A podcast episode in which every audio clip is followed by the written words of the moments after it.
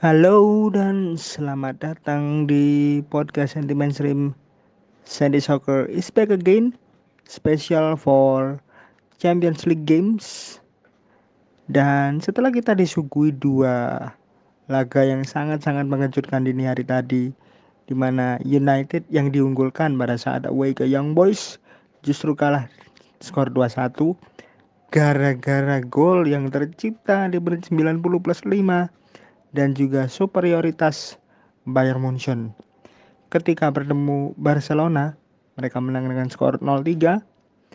Dini hari nanti akan ada big match lainnya di mana Liverpool bertemu dengan AC Milan which is secara otomatis kita akan terbawa lagi kepada memori final Liga Champions edisi 2005 dan 2007.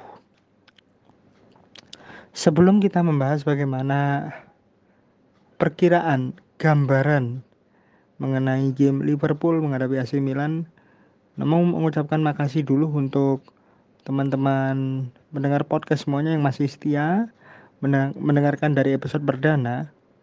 Bahkan menurut laporan dari tim Sandy Soccer Podcast, ada newcomer. So, welcome to listener from Guatemala menjadi negara ke-32 yang mendengarkan Sandy Soccer Podcast and the Mainstream. Hopefully this content is not only entertaining for you but give you education.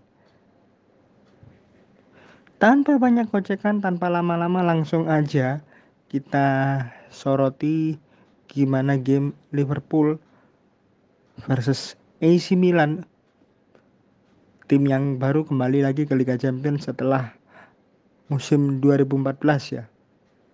Dan kalau bicara tentang game ini, pertemuan dua klub ini, tentu memori pertama kita akan dibuka memori Istanbul 2005. Ketika itu Paolo Maldini sangat mengejutkan karena menit pertama dia mampu membobol gawang jersey Dudek saat itu. Tapi momen klimaksnya adalah ketika shooting Andriy Shevchenko digagalkan oleh jersey Dudek sehingga memaksa game final Liga Champions 2005 di Istanbul digelar sampai adu penalti. Dan untungnya jersey Dudek tampil sebagai pahlawan di sini dengan menepis tendangan atau eksekusi terakhir dari Sheva. Nah, kalau bicara 2005, Liverpool jelas angkat trofi. Dan satu momen yang mungkin teman-teman pendengar podcast juga mengingatnya adalah tatapan tajam seorang Paolo Maldini ketika melihat Steven Gerrard mengangkat trofi Liga Champions. Ada rasa ingin balas dendam. Ketika Milan secara mengejutkan dikalahkan oleh Liverpool karena sejatinya di babak pertama mereka bisa unggul dulu 3-0 dan seakan-akan pertandingan akan menjadi milik Milan seutuhnya. Tetapi di babak kedua semuanya berubah semuanya berbeda.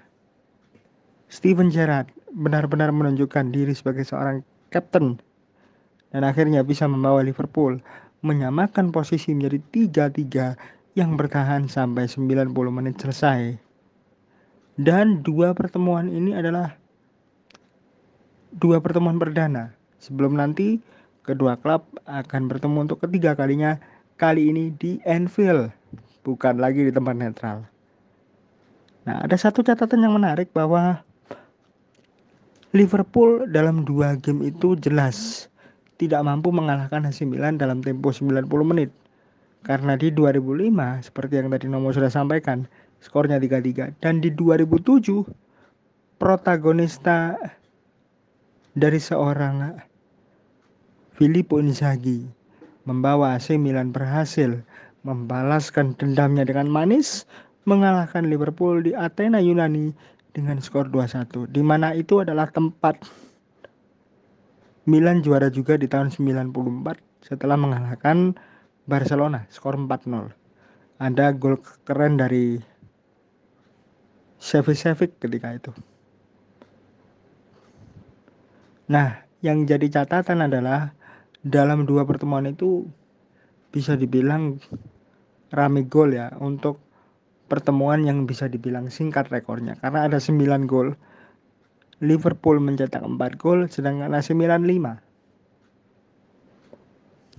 Tapi yang harus menjadi catatan khusus adalah untuk musim ini karena Milan baru kembali lagi setelah absen 7 tahun, maka tidak banyak pemain yang merasakan atmosfer Liga Champions. Hanya beberapa saja. Dan kalau tim teman-teman podcast hitung di sini, setidaknya ada lima orang. Yang pertama adalah Mike Mignon merasakan atmosfer Liga Champions bersama dengan Lille, kemudian Zlatan Ibrahimovic jelas dengan Barcelona, kemudian Fikayo Tomori. Fikayo Tomori ini adalah didikan Akademi Chelsea. Sama Chelsea-nya, tapi kali ini ada nama Olivier Giroud dan yang terakhir adalah Brahim Diaz. Orang-orang taunya bahwa Brahim Diaz ini pernah bermain di Manchester City, tapi sejatinya dia adalah didikan Akademi Real Madrid. Dan pernah mencatatkan caps satu-satunya di Liga Champions untuk tahun 2019 2018-19. Yang pasti juga adalah pertemuan kedua klub ini merupakan pertemuan dua klub yang menjadi penyumbang trofi Liga Champions terbanyak bagi negaranya. Kita tahu komposisi juara di Liga Champions untuk negara-negara seperti Inggris dan Italia ini masih dikuasai oleh single club. Kalau Inggris Liverpool dengan 6 trofi, sedangkan Italia dari sekian banyak gelar Liga Champions yang berhasil didapatkan Milan menjadi penguasa dengan 7 trofi Liga Champions dan terakhir kali diraihnya pada tahun 2007. Ada info juga yang berhasil dihimpun oleh teman-teman Sandy Soccer Podcast anti mainstream bahwa Selatan Ibrahimovic tampaknya akan menepi di game kali ini dan posisinya akan digantikan oleh Olivier Giroud. Nah, kalau bicara Olivier Giroud, maka dia punya catatan spesial. Walaupun ketika bersama Chelsea dalam tiga pertemuan terakhir dalam tiga tahun itu dia selalu kalah ya. Tercatat dia sudah cetak tiga gol secara beruntun selama tiga musim mulai tahun 2018 hingga 2020. Sayangnya hasilnya kurang positif. Kita lihat 20 Juli 2020 Olivier Giroud mencetak gol. Mencetak satu gol ketika Liverpool menang 5-3 atas Chelsea. Kemudian mundur ke belakang di Piala Super. Ketika Piala Super Chelsea masih dilatih oleh Frank Lampard gitu. Dan skor imbang 2-2 hingga diteruskan ke extra time dan penalti shootout PSO. Tapi di momen dua-dua itu ada satu gol yang tercipta dan diciptakan oleh Olivier Giroud. Mundur lagi ke 2018 ketika Chelsea kalah 2-1 di Anfield. Olivier Giroud juga cetak gol, tapi hasilnya kalah. Dan dia menjadi satu-satunya pencetak gol untuk Chelsea di game itu di tahun 2018. Pertanyaannya, Apakah momen yang sama akan terjadi di Milan ketika Milan bertandang ke Liverpool ke Anfield dini hari nanti? Jawabannya jelas ada di jam 2 dini hari. Kalau bicara rincian game, kita soroti kedua klub ini. Liverpool terlebih dahulu. Ini merupakan game ke-412 bagi Liverpool di kancah internasional di mana mereka sudah mencatatkan 228 kemenangan 92 kali hasil imbang dan 92 kali kekalahan di 411 game sebelumnya. Khusus untuk UEFA Champions League ini merupakan game ke-228 di mana dalam 227 game sebelumnya mereka sudah mendapatkan 129 kemenangan, 47 hasil imbang dan 51 kali kalah sebelumnya. Dan mereka sudah mencetak 420 gol kebobolan 202. Persentase kemenangannya 56, 83%. Cukup bagus.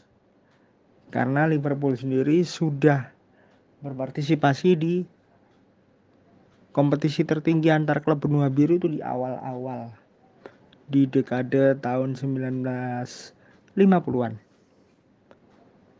Kemudian nih rekornya Liverpool kalau ketemu klub-klub dari Italia itu 12 kali menang 8 kali hasil imbang dan 13 kali kalah dalam 33 kesempatan. Dengan torehan ini, maka presentase kemenangan Liverpool ketika bertemu klub asal Italia adalah 36,36 persen dan ini merupakan salah satu presentase terburuk sepanjang sejarah tim ikutan kompetisi antar klub Eropa. Bahkan yang paling buruk adalah berhadapan dengan Spanyol. Sekitar 30 sampai 32 persen.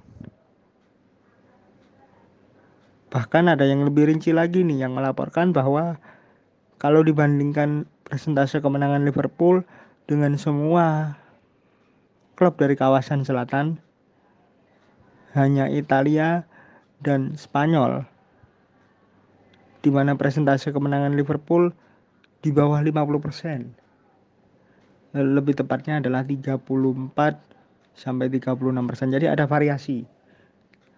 Range-nya antara 32 sampai 36%. Karena kalau dibandingkan pertemuan Liverpool dengan negara Eropa Selatan lainnya seperti Portugal, presentase kemenangannya sampai 50% lebih atau sekitar 52%.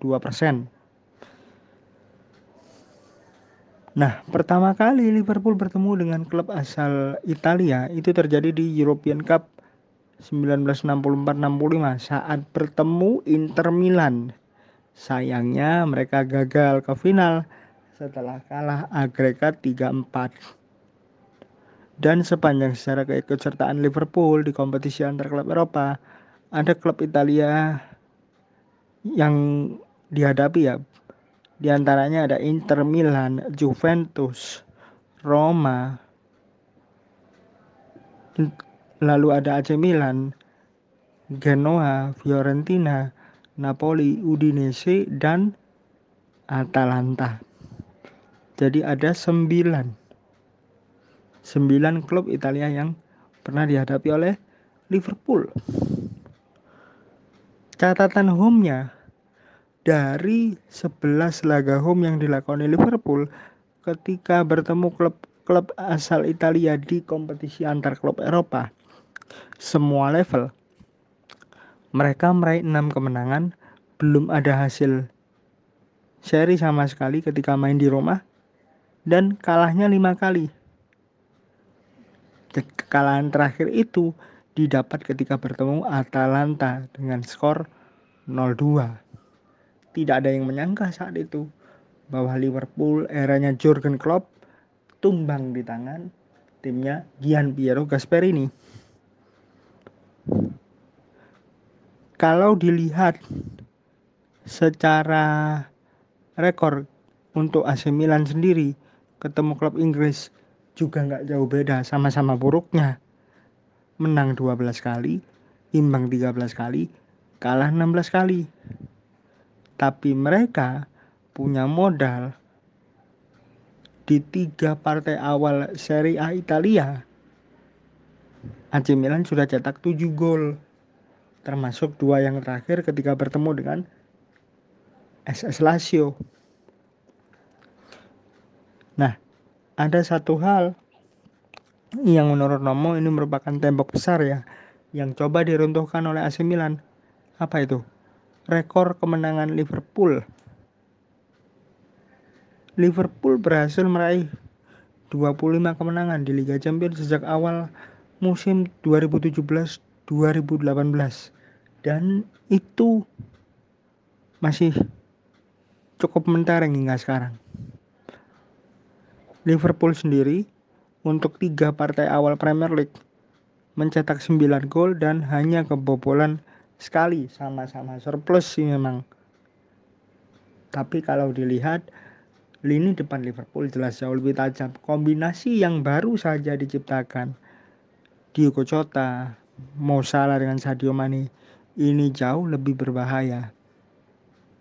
Jauh lebih dangerous dibandingkan kombinasi Brahim Diaz dengan Ibra bukannya Nomo menganggap remeh tapi kalau dilihat secara komposisi Liverpool semuanya jauh lebih matang apalagi ditambah faktor Milan yang baru kembali ke Liga Champions. Kalau melihat rekor overall ya, melihat rekor overall Liverpool yang 36,36 persen masih sedikit lebih baik ketimbang AC Milan tapi sebentar, sebelum kita ke sana, ada satu catatan. AC Milan sendiri akan menjalani pertandingan ke-418 di level internasional. Mereka punya torehan 213 kemenangan, 104 hasil imbang dan kalah 100 kali. Khusus untuk Liga Champions ini milestone. Karena AC Milan akan melakoni game ke-250 di Liga Champions. Torehan mereka di 249 game sebelumnya menang 125 kali, seri 64 kali, kalah 60 kali. Nah, ini yang tadi Nomo bilang. Presentase kemenangan AC Milan yang didapat ketika bertemu klub Inggris adalah 29,27 persen dan ini merupakan yang terburuk kalau dibandingkan dengan negara-negara Eropa yang pernah menghadapi Milan. Kenapa dibilang yang terburuk? Karena Milan pernah mencatatkan presentase kemenangan 0% ketika bertemu klub-klub asal Hungaria. Karena mereka dalam dua kesempatan hanya meraih dua kali hasil imbang, tidak pernah menang dan tidak pernah kalah. Tapi kalau dilihat dari rekor win draw lose-nya menghadapi Italia eh, menghadapi Inggris adalah yang terburuk.